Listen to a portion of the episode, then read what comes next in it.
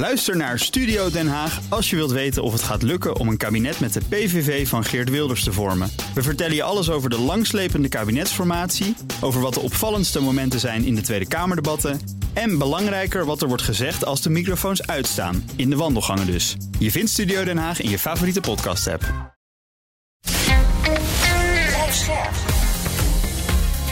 BNR Nieuwsradio. Boekenstein en de Wijk. Hugo Reitsma. Welkom bij Boekenstein en de Wijk. Het is vrijdag, dag 611 van de oorlog in Oekraïne. Israël-Hamas, dag 21. Maar we begonnen bij Oekraïne, dacht ik vandaag, toch? Gaan we een keer doen, ja. Ja, laten we dat maar doen. Ja, kijk, eh, ja, situatie op de grond niet echt veranderd. Kleine vooruitgang geboekt door Oekraïne eh, in, eh, op de oostoever van de Dnieper de Dniepro ehm, bij Gerson in de buurt. Dus ehm, daar lijkt een klein beetje schot in de zaak te zitten. Ook bij Bakmoed in de westelijke Zaporizhia Oblast, waar we het zo vaak over hebben gehad. Dat ook, maar dat is ook niet echt indrukwekkend. En Rusland heeft wat vorderingen gemaakt bij Kupiansk en dat ligt helemaal in het uh, oosten. Uh, grote droneaanvallen weer geweest de afgelopen uh, dagen. Shalet-drones uh, ingezet tegen onder andere doelen in de Mykolaiv-oblast. Zelensky heeft inmiddels al op gezegd van ja, we zijn ons nu ook aan het voorbereiden op grote massale aanvallen. die zullen gaan plaatsvinden in, in de winter. Want dan zal Rusland ongetwijfeld weer proberen om de elektriciteitsvoorziening ja, ja. te slopen. dus daar zijn we ons op dit ogenblik aan het, op aan het voorbereiden. Misschien nog één puntje. Um, de minister van uh, Defensie van Rusland, is op bezoek geweest in een commandopost op de grens van de Donbass en of de Donetsk en de Zaporizhia Oblast. heeft er allerlei medailles uit. Ge, uitgereikt. En heeft ook een nieuwe commandant daar verwelkomd, een luitenant-generaal Kutsmenko. En die moet dan, laten we zeggen, daar de gevechten gaan gaan, uh, gaan voeren. Hey Rob, bij Kopiansk worden ook echt Oekraïners geëvacueerd, hè, las ik. Ja, exact. Ja, nou ja, dat is dus wel uh, redelijk uh, zorgwekkend wat daar gebeurt. Ehm, ja, de Russen die zijn daar bezig met een soort van opmars. Dat lukt nog niet heel erg geweldig goed. Maar ja, daar moet wel wat gebeuren. En het wordt ook gewoon steeds gevaarlijker in die, eh, in die regio. Uh, maar als je het nou hebt over plekken waar het uh, echt boeiend is om naar te kijken, dat is het Avdivka. Daar hebben we het ook uh, vaker over gehad. daar heeft Rusland toch echt enorme verliezen geleden. Pakweg 5000 ehm, soldaten zijn daar of omgekomen of gewond. 400 panzervoertuigen zouden, met de nadruk op zouden, zijn ehm, vernietigd. En we praten dus eh, nu um, op, op een plaats, uh, plaats ongeveer ten zuidwesten van Donetsk stad. Dus dat je een beetje het idee heeft, hebt waar dat uh, ligt. Dat is ongeveer in het midden van het hele bezette gebied. Van 109 van die voertuigen hebben we nu inmiddels bevestigde beelden gekregen. Er worden door Rusland extra troepen naar Avdiivka gestuurd. Um, maar goed, dus de, de, de gevolgen van, dat, van die enorme sloop uh, van, uh, van Rusland uh, zijn toch wel groot. Want een aantal experts zegt van nou, dit zou wel eens een keer kunnen gaan betekenen dat Rusland nu problemen krijgt met betrekking tot het uitvoeren van toekomstige offensieven. En dat is dan weer goed nieuws voor Oekraïne. En Arjan, er waren ook meer berichten die duiden op probleem met het moreel van de mensen. Ja, Amerikanen berichten dat dat het Russische leger executeert dus gewoon soldaten die bevelen weigeren op te volgen. Daar hebben we wel eerder geruchten van gehoord. Hè? Mhm. En ze ronselen in gevangenissen. En tot nu toe, dat wisten we ook wel, Prigozhin deed het ook, gaat, zijn het honderdduizend mensen. En ik las dus ook een berichtje dat die veteranen, de Oekraïne-veteranen, daar mag niet meer over worden. Die schijnen namelijk, sommige daarvan, die schijnen moordend rond te lopen in Rusland. Hè? Die zijn laat ik zeggen. Ja, want dat zijn vrijgelaten moordenaars die dan hun straf konden afkopen door te gaan vechten in Oekraïne. Ja. En daar mag je dus niet, niet meer over berichten. Mogen we niet meer over berichten. Nee. Nou, vooruit. Mm. En er waren nog wat. Misschien nog even één puntje wat, wat positief is. Uh, mag bijna niet in deze uitzending. Uh, deze keer. Er wordt op Malta, op Malta wordt er een uh, vredesoverleg uh, gevoerd. De Oekraïne met een aantal andere landen. Het is de derde ronde. Dus niet op het hoogste politieke niveau, maar dit is op het niveau van de adviseurs, de veiligheidsadviseurs van de, van de landen. Rusland is daar niet aan bezig. Die zei van ja, maar dan werkt dat alleen maar contraproductief als dat uh, daar gaat gebeuren. Wat Oekraïne nu probeert te doen op Malta, is dat Global South. Hè, dus die, landen in het zuiden, om die toch enigszins naar zich toe te trekken. Of het allemaal gaat lukken, dat weet ik niet. De vorige bijeenkomst heeft plaatsgevonden in Jeddah, in, in Saoedi-Arabië. En op tafel ligt natuurlijk dat tienpuntenplan van eh, van Zelensky. Waarin hij onder andere zegt van nou, het conflict moet zo snel mogelijk uh, worden beëindigd. Er moet een tribunaal komen voor de oorlogsmisdaden. Ehm, we moeten ook ervoor zorgen dat de voedselvoorziening, de graanexporten op, op peil blijven. De energie en veiligheid moet zijn gewaarborgd in Oekraïne. Nou, ga zo maar door. Dus die hele lijst wordt dan afgelopen. Maar goed, ja, het zijn besprekingen. Maar ja, wat je ervan uh, moet denken zonder dat Rusland aan tafel zit, nou, waarschijnlijk niet zoveel.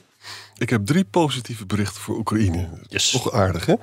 De graanroute, heeft, de nieuwe graanroute, weet je, langs de kust van Roemenië, heeft sinds september 700.000 ton uh, kunnen vervoeren. Het wordt dus eind van de maand 1 miljoen ton. Dus het werkt dus echt, hè? Uh, in Amerika zijn nu ook de F-16-trainingen begonnen. Ik wil dat toch eventjes signaleren.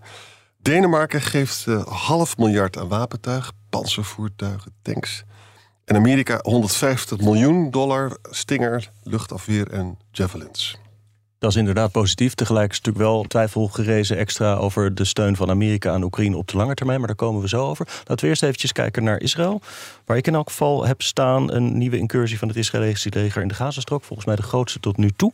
Ja. Gisteren bij Israëlische bombardementen zeggen zij vijf hoge Hamas-commandanten gedood. Uh, Israëlische minister van Defensie zegt dat hij ook aankondigt dat de grondoperatie snel zal volgen. Uh, de Verenigde Staten heeft weer doelen in Syrië gebombardeerd. En er is een raar verhaal van een drone, mogelijk twee, die vannacht in elk geval eentje in de Egyptische badplaats Taba is neergekomen. Dat is pal aan de grens met Israël, een beetje richting uh, Eilat. Het Israëlische leger zegt dat die uit de Rode Zee-regio komen. In elk geval eerder zeiden ze ook te denken mogelijk uit Jemen. Dat eerder raketten die kant op heeft gestuurd. Ja, zou kunnen. Ja. Nog even over dat. Ja, ik, kijk, een van de belangrijkste dingen vind ik hoor die de afgelopen dagen is uh, gebeurd. Kijk, we hebben natuurlijk inderdaad die. Uh, uh, die aanval gezien van dat Israëlische leger. Hebben ze meer met uh, bulldozers de, de, de, grensversperringen om, uh, omver gekieperd.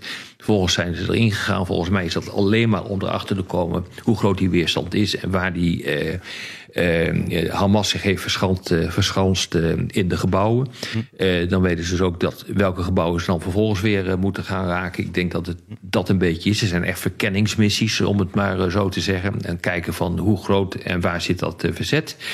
Maar wat ik echt het meest belangrijke vind van de afgelopen dagen... is dat de Amerikanen doelen in Syrië hebben geraakt. Uh, dat zijn doelen die uh, gelieerd zijn aan uh, die Iraakse revolutionaire garde. Die dus die proxies. ja, die die proxies aan het steunen zijn, onder andere in Irak, Syrië en maar ook Hezbollah. ze hebben dit gedaan met F-16's. Een wapen-munitiedepot zijn, zijn gebombardeerd.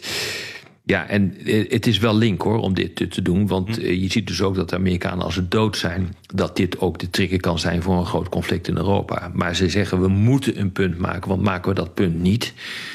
Uh, ja, dan kan uh, Iran gewoon zijn, uh, zijn gang gaan. Ja, groot conflict in het Midden-Oosten. Europa volgt misschien daarna, maar... Ja. Want het Amerikaanse leger is dus 17 keer aangevallen hè, door, door Iran proxies. Hè. In Irak, Syrië, ook in de Rode Zee. In de afgelopen 10 dagen. 21 Amerikaanse soldaten licht gewond, waarvan 19 met traumatische hersenschade. Dat is allemaal niet niks. Hè? En daarom is het Pentagon bezig met hmm. luchtafweer in Irak, Jordanië, Kuwait, Saudi-Arabië, hmm. Syrië en de Verenigde Arabische Emiraten. En daarom moet Netanyahu nog even wachten voordat die luchtafweer daar is. Ja.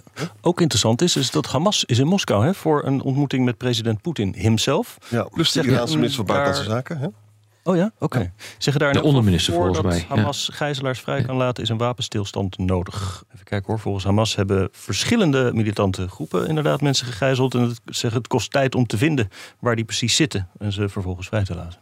Ja, en dat weerspiegelt dus mhm. ook natuurlijk de impasse in de uh, Verenigde Naties. Hè?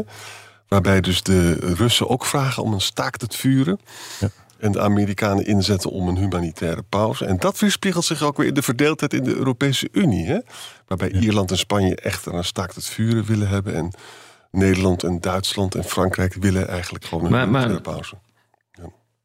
Ja, maar nog even terug naar die Hamas-delegatie in, eh, in Moskou. Wat moeten we daar nou eigenlijk van denken? Want dat is, ik denk dat het belangrijk is. We weten dat eh, eh, Rusland zich ook probeert op te werpen als een, als een soort vredestichter in dit eh, eh, proces. En probeert dus op dit punt het initiatief naar zich toe eh, te trekken. Waarschijnlijk ook om zijn positie in het Midden-Oosten te verbeteren en Amerika te, eruit te manoeuvreren. Hoe, hoe zien jullie dat?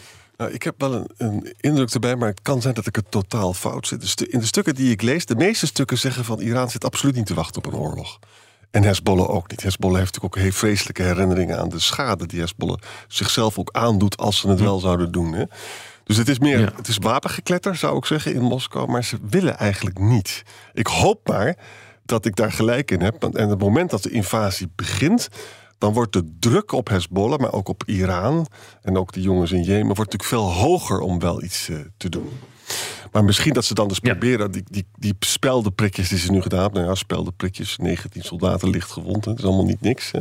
Dat, zal, dat gaat wel door, denk ik. En daarom ook die luchtafweer. Maar, maar er kunnen gewoon ook mensen fouten maken. Hè? En er er zijn ook in Hezbollah zelf zijn, zijn, zijn er mensen ook die het met elkaar oneens zijn.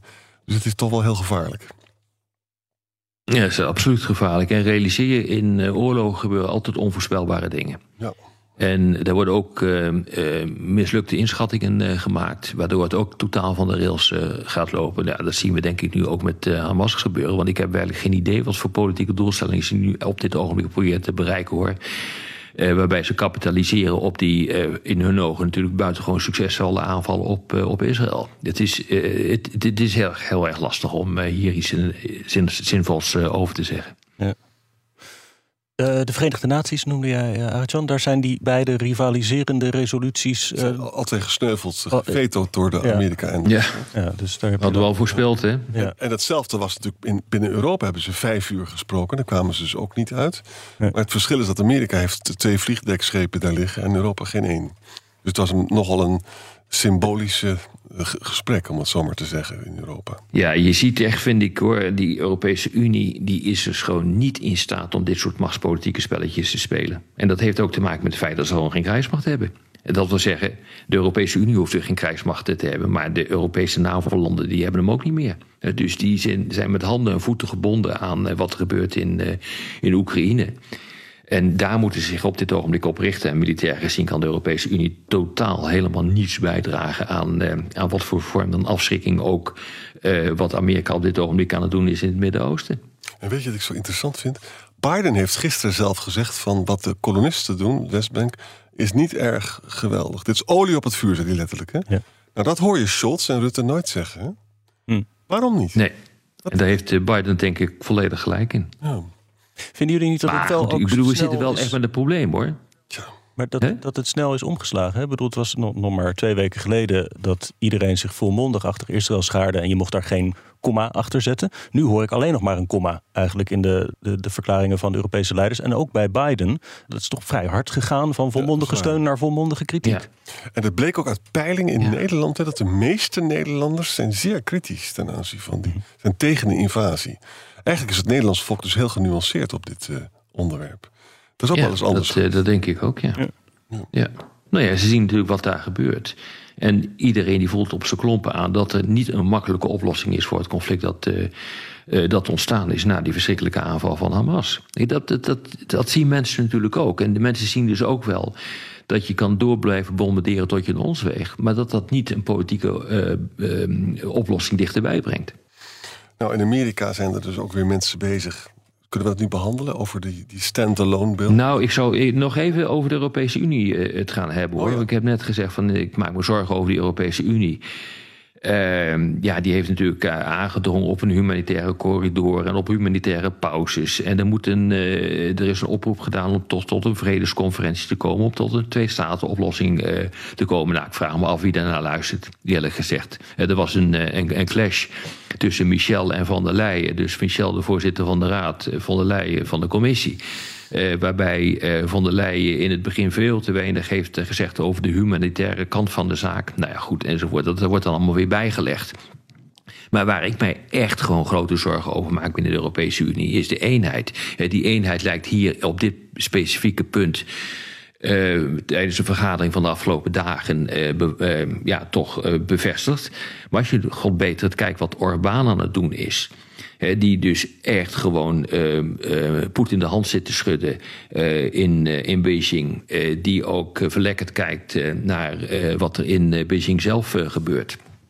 Uh, wat er in Slowakije op dit ogenblik gebeurt met Fico, die heeft gezegd van, uh, nou, we gaan helemaal niet meer exporteren naar, uh, wapens. geen wapens meer exporteren naar Oekraïne. Dat doen we niet meer. Orbán die zit op diezelfde tour. Uh, op zich, weet je, is dat wel behapbaar, dat probleem. Omdat die wapenleveranties zijn, dat, die, die geschieden bilateraal. Dus afzonderlijke lidstaten doen dat. Uh, het enige punt is uh, dat je je bonnen kan inleveren in uh, Brussel. En dat fonds, dat moet met unanimiteit worden bepaald. Exact. dus op het moment dat een van de leden gaat zeggen van ja, dat kan niet meer, dan houdt het dus gewoon op. Nou ben ik ervan overtuigd dat er dan een creatief proces begint te ontstaan. En dat de, de overgebleven lid staat te zeggen van bekijk het maar meneer Orbán en meneer Fico. We regelen dat gewoon even onderling. Het zal mij niet verbazen als dat gaat gebeuren. En wat nog veel ernstiger is, is dat uh, Orbán ook aangeeft dat hij gewoon uh, de EU-beleid ten aanzien van Oekraïne heeft gefaald, zegt hij. En hij is ook bereid om het EU-lidmaatschap te vetoen van. En, dat zei je, dat had ik niet meegekregen. Ja, dat is dat, van Oekraïne? Of, ja, ja, En je weet dat ze spreken nu constant over hoe moet dat dan moet, die uitbreiding. Dat is allemaal heel lastig en zo. Maar Obama gaat dat, is bereid om daar dwars te liggen. Dat betekent dus dat als je echt wat wil doen, dan moet er nu echt wel hervormd worden. Ja. Dat kan zo niet. Nou ja, ik ben blij dat we een grote politieke verandering hebben gezien in Polen. Eh, want dat zou het mogelijk moeten maken met, uh, met uh, de goedwillende landen. om toch eens nog eens een keer te kijken hoe je.